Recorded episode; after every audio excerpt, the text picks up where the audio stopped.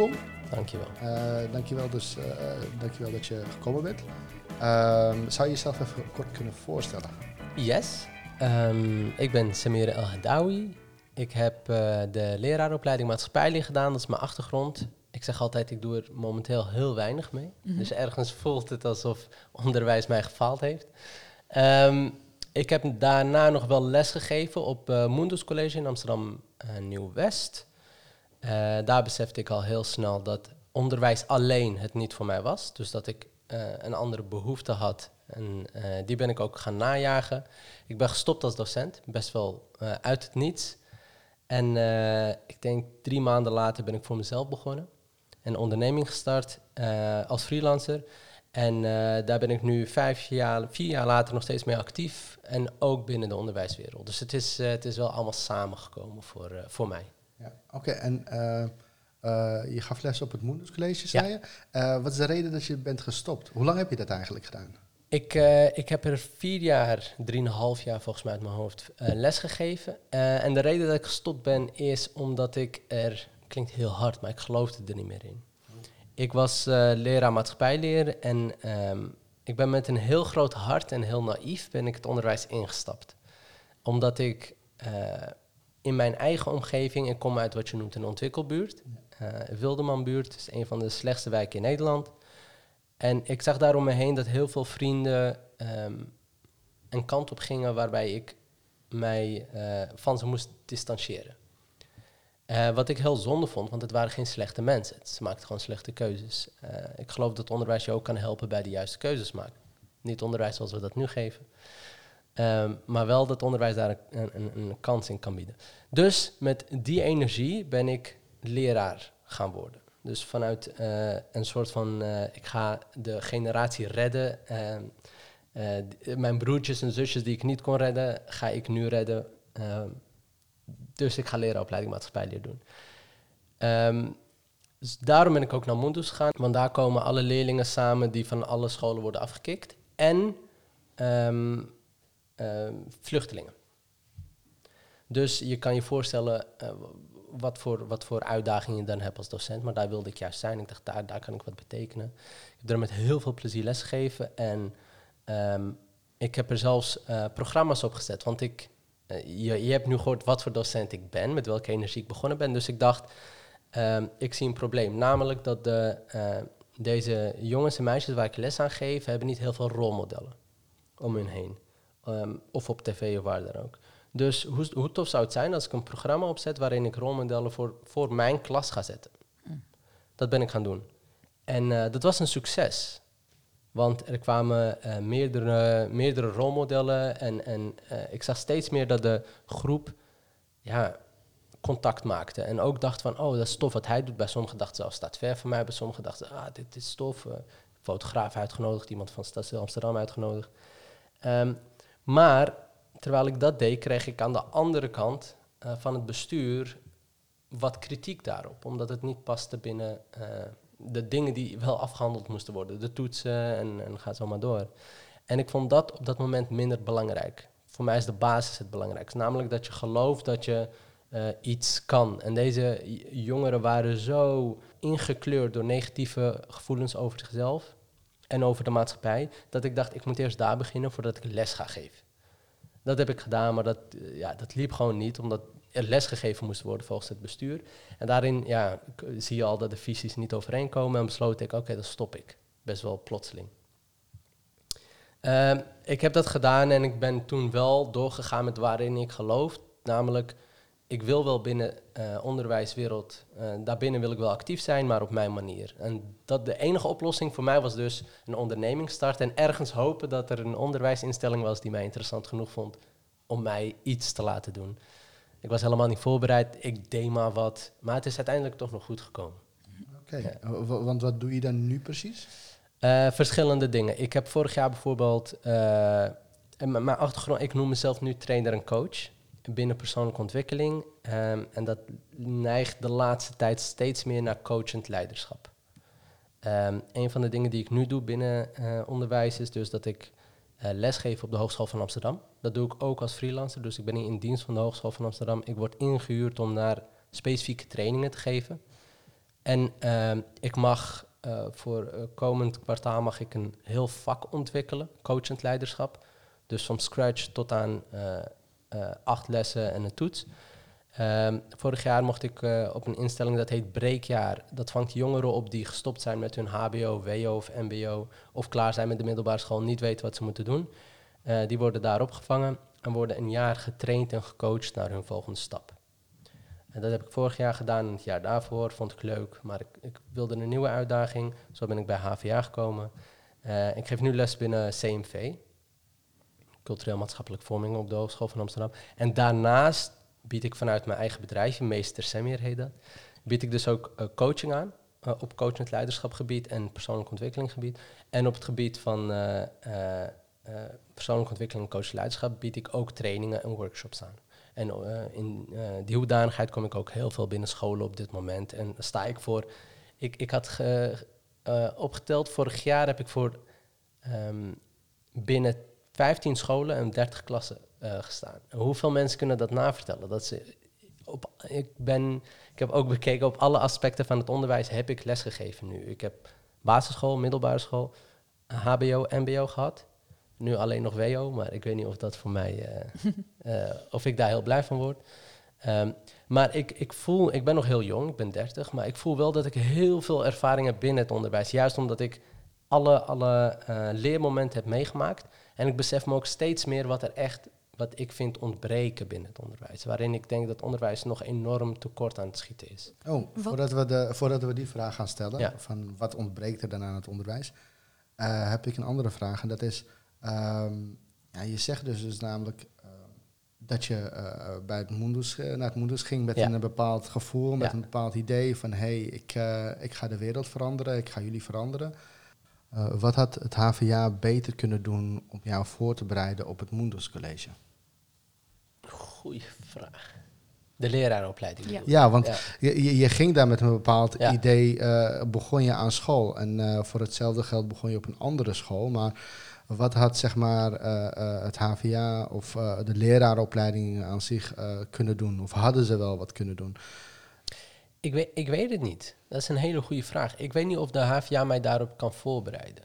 Eh, want Mundus is echt een van de zwakste scholen in Nederland. Ik weet niet of eh, de, de leraaropleiding daar, of je daar rekening mee kan houden. Ik weet het niet. Tuurlijk ben ik wel voorbereid op, op eh, hoe sluit je aan bij de belevingswereld en hoe ga je om met zwakkere leerlingen. Da- daar ben ik wel op voorbereid. Maar daar echt staan is natuurlijk iets heel anders. En onderwijzen leer je ook echt door voor de klas te staan. Dus al stond het in het boek, denk ik niet dat, het, dat ik er veel aan eh, gehad zou hebben. Want in het moment komt er zoveel op je af dat je... En ik was nog heel jong, dus dat je... eh, ja, ik had het gewoon moeten leren daar op dat moment, denk ik. Ik denk niet dat de onderwijs of de leraaropleiding mij daarvoor zou kunnen voorbereiden. Nee, en je noemde eigenlijk dat jij in in jouw ideale wereld ehm, beschrijf je dat het onderwijs een bijdrage kan leveren aan het maken van de juiste keuzes voor leerlingen. Ja. Maar eh, wat zou er dan eh, op dit moment missen aan het huidige onderwijs daarin? Ik denk dat eh, het huidige onderwijs vooral bezig is met de ehm, cognitieve ontwikkeling. Dus vooral bezig is met lesgeven over rekenen en, en taal. En, en heel weinig bezig is met ehm, de, de, de dingen die aan de basis liggen. Zoals hoe maak ik voor mij de juiste keuze, lange termijn versus eh, korte termijn. Ehm, hoe, eh, hoe, eh, hoe krijg ik genoeg discipline om aan, aan mijn huiswerk te zitten terwijl ik er nu geen zin in heb en al mijn vrienden buiten spelen? Als je dat niet hebt, dus stel je, je komt uit een omgeving waarin je niet gestimuleerd wordt om je huiswerk te maken. Zoals heel veel jongeren in ontwikkelbuurten bijvoorbeeld. Eh, waar ik ook een van was. Mijn ouders wisten niet of ik huiswerk had, wisten niet of ik toetsen had, geen idee.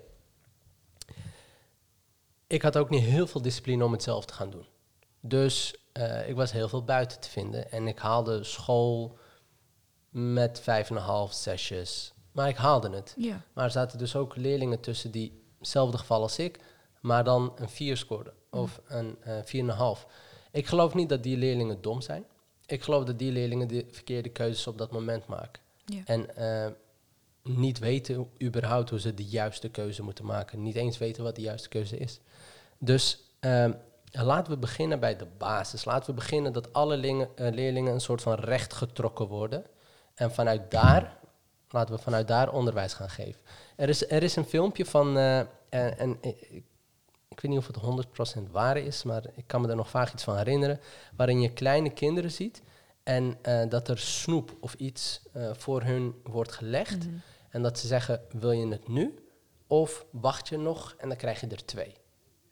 En eh kwam dus naar voren dat heel veel kinderen uit een arme gezin voor nu kozen. Ik wil hem nu, want ik weet niet of er straks wat is. Want dat is hoe zij getraind zijn om te denken. En heel veel kinderen uit een rijk gezin, die wilden wel wachten. Want het is er toch wel. Die kennen, die kennen dat van geduld hebben. En er is genoeg, maak je geen zorgen. Je hoeft, je hoeft niet na te denken over de toekomst, rustig aan. Eh, dus die kozen voor lange termijn. Van ik wacht wel tot ik er twee heb. Uiteindelijk, een uur verder, heb je kinderen die twee hebben gehad. En je hebt kinderen die één hebben gehad. En dan heb je gelijk al ongelijkheid. Ik geloof dat dat, dit is nu een voorbeeld, maar ik geloof dat kinderen ook zo het onderwijssysteem instappen. Met de ongelijkheid. En ik geloof dat als je dan op de, in de basis gaat investeren, en bijvoorbeeld maken van de juiste keuzes, weten wat voor jou belangrijk is, ehm, welke eh, visie of wat dan ook, dat je daarin eerst eh, misschien de eerste drie jaren van, van het onderwijs investeert en daarna gaat naar rekenen en taal en, en dat soort dingen. En ik weet dat heel veel, dit, dit, dit wekt altijd heel veel vragen op bij mensen, ja maar hoe ga je dat doen? Ja, als het, als het niet past binnen dit systeem, ben ik er zelfs voor om het systeem te veranderen. Maar ik geloof dat de basis, in de basis moeten wij ervoor zorgen dat de leerlingen zo gelijk mogelijk beginnen. Ja, maar dan zou het denk ik niet aangeboden moeten worden voor alle kinderen, toch? Alleen de kinderen die daarop, die ongelijkheid op te vullen, zeg maar. Ja, alleen het is heel moeilijk om te weten waar die ongelijkheid ligt. Ja. Ehm, want als je het weer openlaat, Hm. eh, dus dat je ervoor mag kiezen, dan zal je weer zien dat de kinderen die het hardst nodig hebben, niet ervoor gaan kiezen, omdat het weer iets is wat, ze, wat ver van hun staat. Het is nog meer onderwijs, het is bla bla bla. Dus ik geloof er juist in, maak het voor iedereen, eh, ja, niet alleen toegankelijk, misschien wel verplicht, maar bind er zelfs een cijfer aan. Want anders wordt het weer iets wat erbij komt en niet helemaal toegepast gaat worden, of alleen juist weer door de door die rijke kinderen die al weten wat lange termijn is, eh, om weer een voorbeeld te gebruiken van de snoepjes, die eh, kinderen uit goede gezinnen, ehm, die gaan er dan weer voor kiezen omdat ze weten hoe belangrijk het is. Mhm. En juist de kinderen, en daardoor wordt het eigenlijk alleen maar groter. Dus dat is juist niet wat je wil. Ja, Eh, dus ik zou het voor iedereen aanbieden. oké. En je kan er al heel vroeg mee beginnen. Je kan er al in de kleuterklas mee beginnen. Ja, klopt. Even een klein vraagje over wat je net zei. Want je zegt dus van de eerste drie jaar. eh, Ja. hoe, hoe bedoel je dat? Bedoel je dus dat ehm, ze geen vakinhoudelijke vakken, eh, dus, dus, dus Ja, AVO-vakken zouden krijgen? het, het kan naast elkaar. Ja. Ehm, net zoals je gym hebt en eh, taal en rekenen hebt, kan je ook een vak hebben dat echt gaat over ehm, wat is voor mij belangrijk. Of wat, wat is bijvoorbeeld ethiek of filosofie. Of, eh, want daarin juist keuzes maken is natuurlijk ook ethiek. ja. Super interessant, gebeurt heel weinig mee. ja. En eh, daarin denk ik dat we enorm tekort schieten. We focussen te veel op het onderwijs zoals het nu is en willen dat verbeteren. Maar ik, ik ben meer voorstander van laten we hem niet alleen aanvullen, laten we hem anders vormgeven en beginnen bij de basis. Wie, en dat een kind voelt, ik ben belangrijk. Want hoeveel kinderen komen uit gezinnen waarin. eh, ja, eh, ik kom uit een gezin met zes kinderen. Dus is het heel moeilijk om te bedenken, ik ben belangrijk, want je bent een van de zes. Ik ben de middelste kind. Het is heel moeilijk om je plek te vinden Ja. in een klein huis, bla bla bla. Ehm, onderwijs zou eigenlijk voor mij dan heel veel kunnen betekenen. Heeft het ook niet echt gedaan. En wat ik dan doe binnen het onderwijs om aandacht te trekken, is dan ben je wat drukker. En dus in plaats van dat ik me besef van, hé, hey, de reden dat ik eh, wat drukker ben, is omdat ik voel dat ik niet gezien word. En ik wil gezien worden. Eh, dat is, die, die bewustzijn heb ik nooit gekregen. Terwijl als, als iemand mij daarvan bewust maakt, denk ik, één, eh, dat ik daardoor de betere keuze voor mij ga maken. Omdat ik besef, oh, het is een ego-ding. En dat, ik denk dat je dit ook beseft als je jong bent. Dus dit klinkt als, oh, maar dat snappen kinderen niet. Ik denk het wel. Ehm, ik heb het gezien dat kinderen dat snappen, daarom. Dus als ik besefte, oh, het is een ego-ding, ik wil gezien worden, dan kan ik ook, eh, dan hoef ik niet per se druk te zijn. Want dan weet ik waar, het vandaan komt. Dan weet ik, ik wil gewoon gezien worden. En als onderwijs mij dan eh, door het vak ethiek, ik zeg maar wat, laat inzien eh, dat ik een eh, dat ik mijn eigen leven vorm kan geven. Ja, dat, dat gaat me zoveel geven. Het heeft mij zo. Ik was misschien 25 toen ik besefte, hé, hey, ik kan mijn eigen leven vormgeven. Mijn keuzes hebben directe impact op mijn eigen leven. 25. Dat is toch bizar? Dus ik heb een, ik heb een opleiding gedaan zonder dat ik dat besefte. Opleiding gekozen zonder dat ik dat besefte. Sterker nog, op de middelbare school moet je een, uh, een, een hoe noem je dat ook alweer? Profiel. Een, een profielrichting kiezen.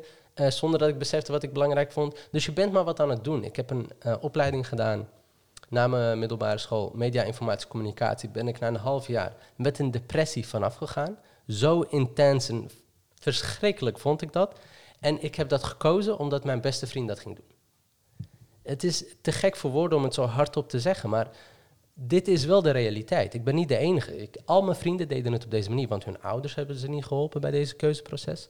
Dus je kijkt naar je vrienden. Ja, mijn vrienden waren ook niet uh, mensen die echt nagedacht hadden over dit. Want mijn vriend was daarna ook weer gestopt. Dus je doet maar wat. Je bent een soort van uh, om je heen aan het kijken. Wat doet de rest? Oké, ik pas me aan. Maar je, je leidt niet vanuit jezelf, vanuit wat jij belangrijk vindt. Je kijkt continu om je heen.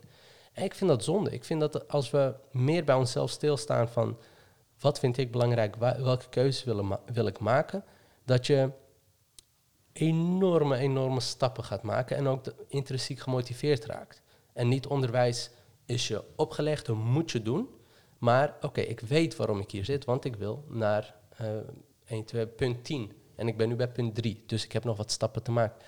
Onderwijs besteedt hier bijna 0% aandacht aan. Het enige moment is dat ik me kan herinneren, is dat ik uh, uh, om op de middelbare school een richting te kiezen, ik één les gekregen heb over wat die richtingen inhouden de dingen die je nu zegt, die, daar hebben we toevallig uh, net een podcast over gemaakt met ah, Karin okay. Amgar over uh, kansongelijkheid. kansongelijkheid. Ah, ja, en daar ging het inderdaad om over, over de oude betrokkenheid en hoe belangrijk die is ja. bij de ontwikkeling van een kind en de kansen die, die zo'n kind dan krijgt en dan ook neemt. Ja. En ja. Het is eigenlijk, wat jij wil, is dus dat de kinderen zichzelf leren kennen. Uh, dat onderwijs daarbij helpt. Dat ja. het onderwijs daarbij ja. helpt. En dat, dat het een, eigenlijk een structureel uh, ja. onderdeel wordt. Ja. Mm -hmm. Oké. Okay. Want nu hebben we het specifiek over keuzes maken gehad. Zijn er nog andere uh, factoren binnen de persoonlijke ontwikkeling waar jij tijd zou, aan zou willen besteden in het onderwijs? Ja, ik, ik denk dat het vooral om leiderschap draait. En, en, leiderschap bedoel ik niet hoe stuur je een team aan of nee, persoonlijk leiderschap. Dus hoe, uh, hoe stuur je jezelf aan als het moeilijk wordt? Uh, welke keuzes wil jij maken? Welke persoon wil jij zijn? En dat kan allemaal continu veranderen, maar jezelf daarin begrijpen, mm -hmm. um, dat gaat heel veel ruis voor je weghalen. Dat gaat heel veel afleidingen voor je weghalen, omdat je weet waar je naartoe wil. Je hebt een focus. Okay. Dus ik, persoonlijk leiderschap. En als, ik, als je me dan vraagt, ja, wat houdt dat dan precies in? Ja, dingen als in, wat ik zeg, uh, juist keuzes maken, discipline, wat vind ik leuk, wie wil ik worden, waar wil ik naartoe, um, ik en de ander, ik en de wereld, uh, uh, hoe ga ik om met andere religies, al die dingen, dat dat allemaal één ding wordt. Mhm. En dat is, het, ik zeg maar, het vak persoonlijk leiderschap. En dat pro je, je, ik hoor heel veel, want ik heb dit gesprek vaker, ik hoor heel veel, ja, maar dat doen we gewoon tussen de lijntjes door, of dat, dat geven we mee, we empoweren ze. Um, maar ik, ik, geloof, ik geloof niet dat een docent met een groep van 25 leerlingen iedereen evenveel empowert. Dus dan komt er weer een bepaalde uh, ongelijkheid. En meestal is dat weer de, uh, of de kinderen met een grote mond en veel aanwezigheid krijgen veel aandacht, of uh, de kinderen waarvan je weet, oh, die ouders gaan druk op me zetten als ik het niet kan verantwoorden waarom ik een 6 of 7 geef. Uh, die krijgt veel aandacht. Maar net die kinderen in het midden, de stille, uh, onzeker kind met thuis van een alles en nog wat, ja, die ga je niet bereiken. Of die mm. bereik je minder en die heeft het juist nodig. Ja. Dus ik geloof niet dat het nu al gedaan wordt zoals ik geloof dat het wel gedaan kan worden. Nee. Um, dan gaat onze volgende vraag misschien daarover. Op welke manier kunnen leraren hier binnen hun lessen aandacht aan besteden? Dus welke uh, werkvormen of uh, activiteiten kunnen ze hiervoor inzetten? Um, het kan op heel veel manieren. Wat ik nu pro probeer te doen binnen Hogeschool van Amsterdam, is ik heb een check-in ronde en een check-out ronde. Het klinkt heel simpel en er gebeurt heel veel nu. Dus ik begon ermee vier jaar geleden. En, en, toen was het nog een heel oppervlakkig iets. Eh, toen was de vraag, wie ben je, wat kom je doen? Zoiets. Dus ook aan de leerlingen, elke, elke les weer. Eh, nu is de vraag, hoe zit je erbij? En omdat ik dit elke keer doe, is er een gevoel van eh, veiligheid binnen de groep. En zie je ook dat er veel meer gedeeld wordt vanuit, vanuit echte, echte dingen. Dus er is gehuild, er is gelachen, er is oprecht. Dus dit zijn niet om het mooier te maken. Maar omdat die leerlingen echt ruimte voelen om te zeggen wat ze voelen, uh, raken zij één bewust van hun gevoelens. Want ik, ik vraag ook altijd: doe even je ogen dicht, kom even tot jezelf. En nu, hoe zit je erbij? En uh, een van de dingen die ik dan doe om veiligheid te creëren, is je mag niet op elkaar reageren. Dus iemand checkt in, die zegt, hey, ik zit er op dit moment zo en zo en zo bij. En dan zeg je op het, uh, op het eind, zeg je check in. Dus ik check vanaf nu in met alle shit dat ik net gedeeld heb. Dus heel eerlijk, zo zit ik er op dit moment bij. En dat doet iedereen en niemand reageert op elkaar. En als iedereen geweest is, begin ik de les. En alleen al door zo om te gaan, laat je zien, alles wat je voelt mag er zijn. Het is echt en we, we horen je, we herkennen het, maar uh, we gaan wel door. Daarmee creëer je veiligheid, daarmee creëer je, oh, het is niet het eind van de wereld, ze gaan gewoon door, dus ik ben niet zielig. Um, daarmee creëer je, ik word gehoord, dus ik word gezien, dus ik voel me veilig, dus ik wil hier leren, want je leert beter in een veilige omgeving. Dit is één simpele werkvorm. Dus kan je nagaan als je uh, bijvoorbeeld aan, in het begin van het jaar en uh, in het midden en op het eind investeert in uh, teambuilding. Maar dan niet teambuilding zoals wij doen van we gaan met z'n allen naar de Efteling. Maar teambuilding van hoe zorg ik ervoor dat iedereen in de groep zich veilig voelt en het gevoel heeft dat ze op elkaar kunnen bouwen. Want dat vind ik teambuilding. Als je dat doet, wat ik ook gedaan heb aan het begin van dit jaar, en met uh, angsten bespreken van de leerlingen, uh, studenten, ik zeg steeds leerlingen, studenten. Wat zijn de talenten? Dat was een oefening. Uh, wat vind ik belangrijk? Welke regels spreken we met elkaar af die we altijd binnen de groep zullen hanteren? Daarmee die regels allemaal op een rij gezet en daarna afgesproken wie voelt dat hij deze regels niet kan waarmaken. Spreek je uit, niemand, oké, kan ik ervan uitgaan dat we dit allemaal samen doen. Elke keer vanaf dat moment als ik merk in de groep, hey, één regel wordt niet gehanteerd, dan kan ik dat bespreekbaar maken van, hey, jullie hebben dit zelf gedaan, niet ik. Dus er zijn heel veel werkvormen voor. Um, en het, het, hoeft helemaal niet groot. Iedereen denkt altijd dat het een heel groot ding moet worden. Maar alleen al door bijvoorbeeld zo'n check-in uh, te doen. En het echt oprecht te doen. Dus ik ga daar, ik doe ook mee. Ik ben niet de leraar die luistert en daarna. Nee, ik doe ook mee. Ik vertel ook over mijn onzekerheden. Uh, ik vertel ook als ik me een keer niet lekker voel. Ik vertel uh, over mijn oma die ik laatst heb verloren. Dat vertel ik gewoon in de groep. En doordat zij zien van, oh, als hij het doet, dan kan ik, dat is veiligheid. Dus als leraar heb je daar wel een leidende rol in. Je moet beseffen wat, uh, want er wordt altijd naar jou gekeken. Dus je kan wel zeggen, we hebben het over veiligheid binnen de groep. Maar als bij alle oefeningen jij niet meedoet, creëer je geen veiligheid, want je plaatst jezelf boven de groep of buiten de groep. En daar geloof ik weer niet in. Ik geloof dat uh, als de leerlingen geloven dat ze van jou kunnen leren omdat jij met ze meedoet en ondergaat wat zij ondergaan, dat ze daardoor meer van jou aannemen. Dus uh, het, er zijn zoveel dingen die, die, die zo, het is zo makkelijk toepasbaar. Je weet dat je als, uh, als docent een leidende rol hebt. Alleen nu is je leidende rol, sst, niet doen, niet door me heen praten. Dat voelt nu als leidende rol. Maar dat, was, dat paste in de tijd van de verlichting, zo lesgeven. Als een, eh, een directief leiderschapsstijl is dat. Dus heel erg vanuit ik wil controle en ik ga het opleggen. Ik geloof niet dat dat nu nog past binnen, de manier van, uh, binnen onze manier van leren. Ik denk dat het veel meer past als, je, als de leerlingen het gevoel hebben, oh hij begrijpt mij. Want als ze dat gevoel hebben en je spreekt iemand aan, dan is het oké, van jou kan ik het accepteren. In plaats van, ja, je bent altijd maar aan het zeggen dat we stil moeten zijn. We zijn een beetje klaar met jou. En elke keer als ik dit zo uitleg, begrijpen mensen het. Want iedereen weet die ene leraar die continu boos was. Dat, die kunnen we allemaal herinneren. En als ik je vraag wie was de beste leraar, is het altijd de leuke leraar die uh, grapjes maakte, maar nog wel goed les gaf. Nou, daar pleit ik eigenlijk voor.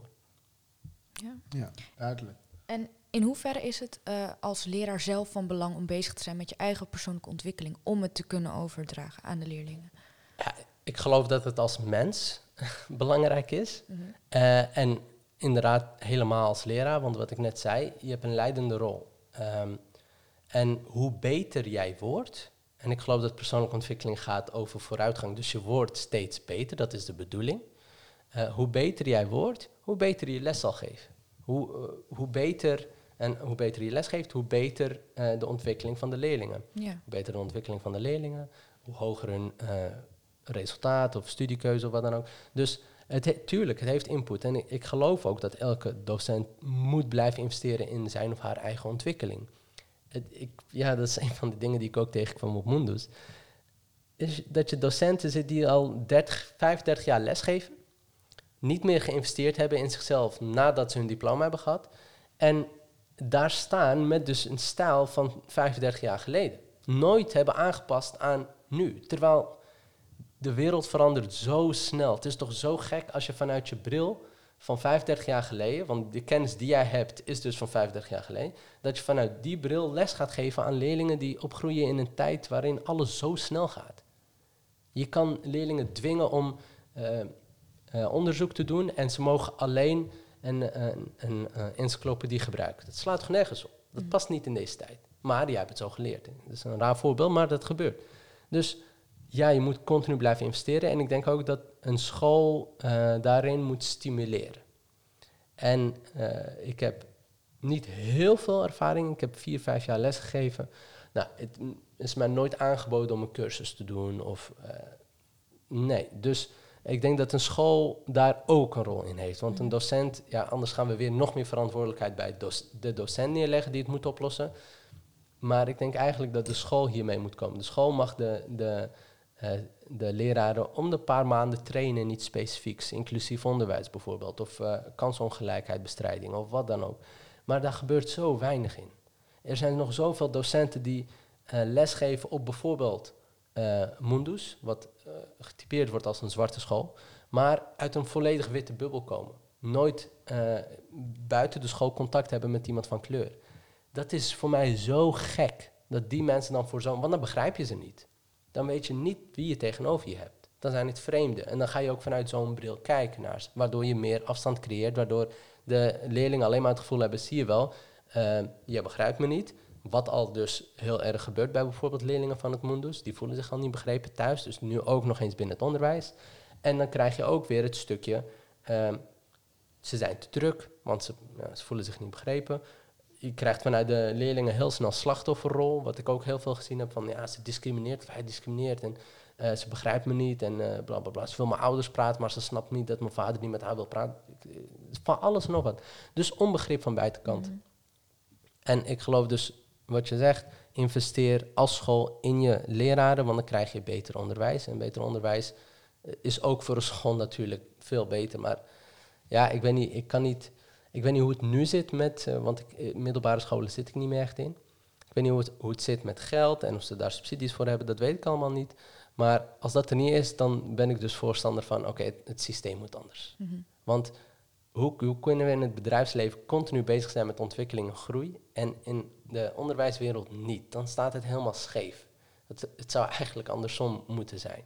Dat onderwijs continu gepusht wordt op groei en ontwikkeling en inspelen op eh, de huidige samenleving. En dat bedrijf daar een voor, het bedrijfsleven daar een voorbeeld aan mag nemen. En nu, ja, ik heb niet het gevoel dat onderwijs inspelen op de kansen die de huidige wereld biedt. Minimaal in ieder geval. Ehm, nou, we hebben al een beetje gehoord van hoe eh, de school eh, een rol daarin kan betekenen. Maar op welke manier kunnen leraren zich hier verder in ontwikkelen? In eh, hetgene waar je het over hebt, over persoonlijk leiderschap en dergelijke. Er, zijn, er zijn heel veel cursussen voor. Dus ik hoop dat scholen die ook willen bekostigen voor de leraren als investering. Want het is een investering, want de leraren worden beter, dus je onderwijs wordt beter. Ehm, maar er zijn zoveel eh, persoonlijk leiderschapscursussen. er zijn eh, bijvoorbeeld... Kijk, het ligt ook aan als docent, waar heb jij behoefte aan? Als jij, wat ik net zei, eh, alleen maar een witte omgeving hebt en je geeft les op een zwarte school... dan heb jij heel, heel veel behoefte aan inclusief onderwijs. Over een cursus inclusief onderwijs. Of eh, ehm, eh, hoe noem je dat, interculturele eh, communicatie. Daar heb je dan. Dus ga vooral dat, want dat is dan jouw basis. Dat is voor jou het belangrijkste op dat moment. Maar voor een ander is dat, ehm, hoe, hoe eh, zorg ik ervoor dat ik open, openheid kan creëren binnen de groep. Voor een ander is het, Hoe zorg ik ervoor dat ik minder streng word en toch eh, net zo productief blijf? Dus, eh, en dat vraagt weer een bepaald bewustzijn van de leraar om zelf die keuze te kunnen maken. Want er is geen one size fits all als het gaat om coaching of persoonlijk leiderschap. Je moet echt weten waar heb ik behoefte aan. En om daar te komen kan je bijvoorbeeld wel een coach inschakelen die je daar, daarin kan begeleiden. En dan weet je wat, oké, ik heb hier dus behoefte aan, want soms zie je het gewoon niet door je eigen blinde vlekken. Dan weet je waar je behoefte aan hebt en vanuit daar kan je een cursus of een training of wat dan ook uh, volgen. Het, in ieder geval blijf actief. Geef niet op, want er zijn docenten, die, iedereen kent ze, die ergens hebben opgegeven. Na 10, 15, 20 jaar de video, uh, video uh, ik weet niet of er nu nog een videorecorder is, maar de videorecorder en de tv tevoorschijn halen en uh, play drukken en een uurtje een, video kijken en daarover gaan reflecteren. Ja, dan heb je opgegeven en dat is leuk voor jou dat jij dat hebt gedaan, maar uiteindelijk zijn de leerlingen de dupe van jouw slecht, slecht onderwijs. Dus altijd eerlijk blijven. een school mag ook controleren daarop. Um, om, om, om misschien eh, docenten te, te pushen om, om scherp te blijven. Want ik kan me voorstellen, lesgeven is, vraagt veel. Vraagt heel veel van docenten. Uh, en dit is weer iets wat er dan wordt opgelegd. Uh, maar het is wel uiteindelijk beter voor jezelf als docent. Want je geeft beter onderwijs, dus het wordt ook makkelijker. En uiteindelijk gaat het om de leerlingen. Uiteindelijk gaat het niet echt om jou, het gaat om de leerlingen. Dat zij de onderwijs krijgen die ze verdienen. En als je dan ehm, mag afsluiten met één laatste tip voor de docenten, leraren, leerkrachten, met betrekking tot persoonlijke ontwikkeling, wat zou deze zijn? Die ze gelijk eigenlijk in de volgende les kunnen toepassen. Ja. Goh. Um, ik, mijn tip zou zijn, begin bij jezelf. Dus uh, ik, ik, ik, heb het, ik gebruik het woordje basis vaak. Wat, wat, is jouw basis? Waar heb jij behoefte aan? En daar, daarin mag je een bepaald bewustzijn creëren. En niet iedereen kan dat op dezelfde manier. En daarin kan je weer coaching aanbieden. Um, en ik kan me begrijpen dat heel veel docenten denken: ja, dat ga ik niet doen. Ver van mijn bedshow, nooit gedaan, waarom ga ik dat nu doen? Um, kijk dan kritisch naar jezelf, als je, als je geen coach of wat dan ook wil. En bedenk waarin kan ik groeien.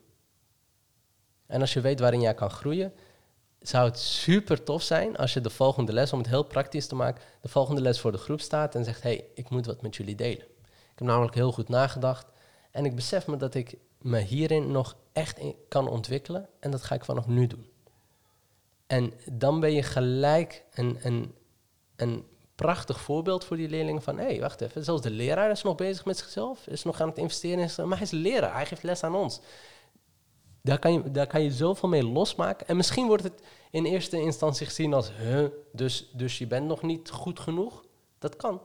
Maar ik denk dat uh, als zij zien dat je jezelf serieus neemt en dus investeert in jezelf, dat zij meegaan in jouw ontwikkeling. En daardoor ook naar zichzelf kunnen kijken van, oké, waarin wil ik nog groeien? En het zou heel tof zijn als docent, als je zegt, ik wil hierin groeien. Wie van jullie um, kan bedenken waar hij of zij in zou willen groeien? En dat bespreekbaar maakt. In plaats van ik bepaal voor jullie wat belangrijk is. Of wij hebben dat voor jullie bepaald. Want onderwijs, dat is bijna geen keuze. Je krijgt wat je krijgt.